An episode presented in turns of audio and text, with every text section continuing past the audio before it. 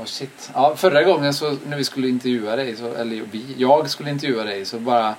Jag, var, jag, jag, alltså jag tyckte vi hade en så intressant samtal. Och så... Eh, och jag var så glad för allting vi hade pratat om. Och så när jag tog upp telefonen så var det bara 17 minuter inspelat. För att jag hade ju haft den på tyst och sen hade någon ringt Mm. efter 17 minuter och då funkade tydligen inspelningen så att då stängde den av Mm.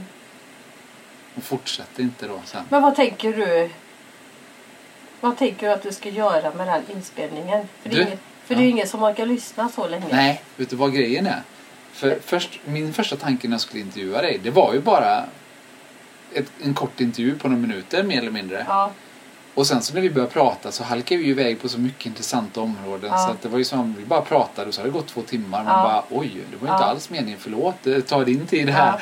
Men, men, men så, så, så då, då blir jag också jag kan ju inte liksom lägga ut två timmars grej och, och vi kommer ju vara tvungna att klippa så att det blir någonting bra. Men sen så insåg jag att så mycket som vi pratar om så skulle jag lika väl kunna klippa upp det i olika episoder.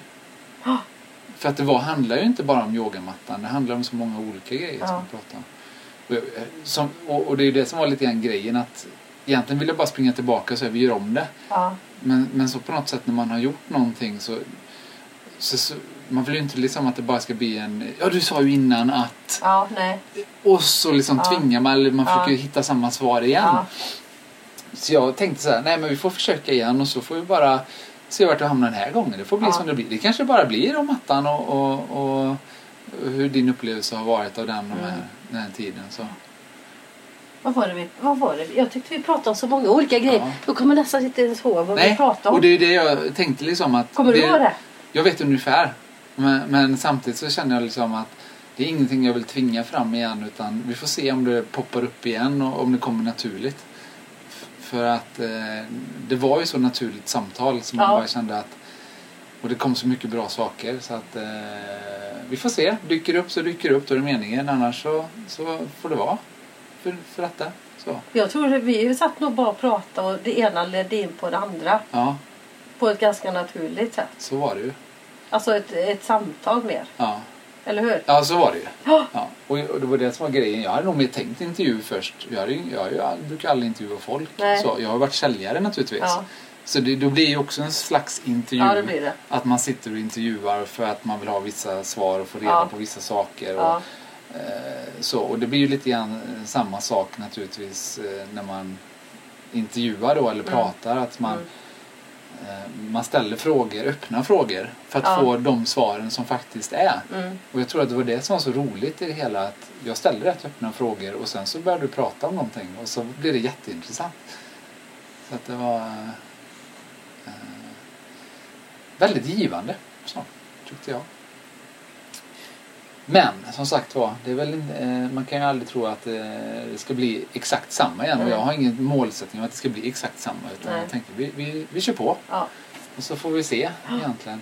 Anledningen varför nu liksom som jag ville ha intervjun, om vi kommer ihåg det från början.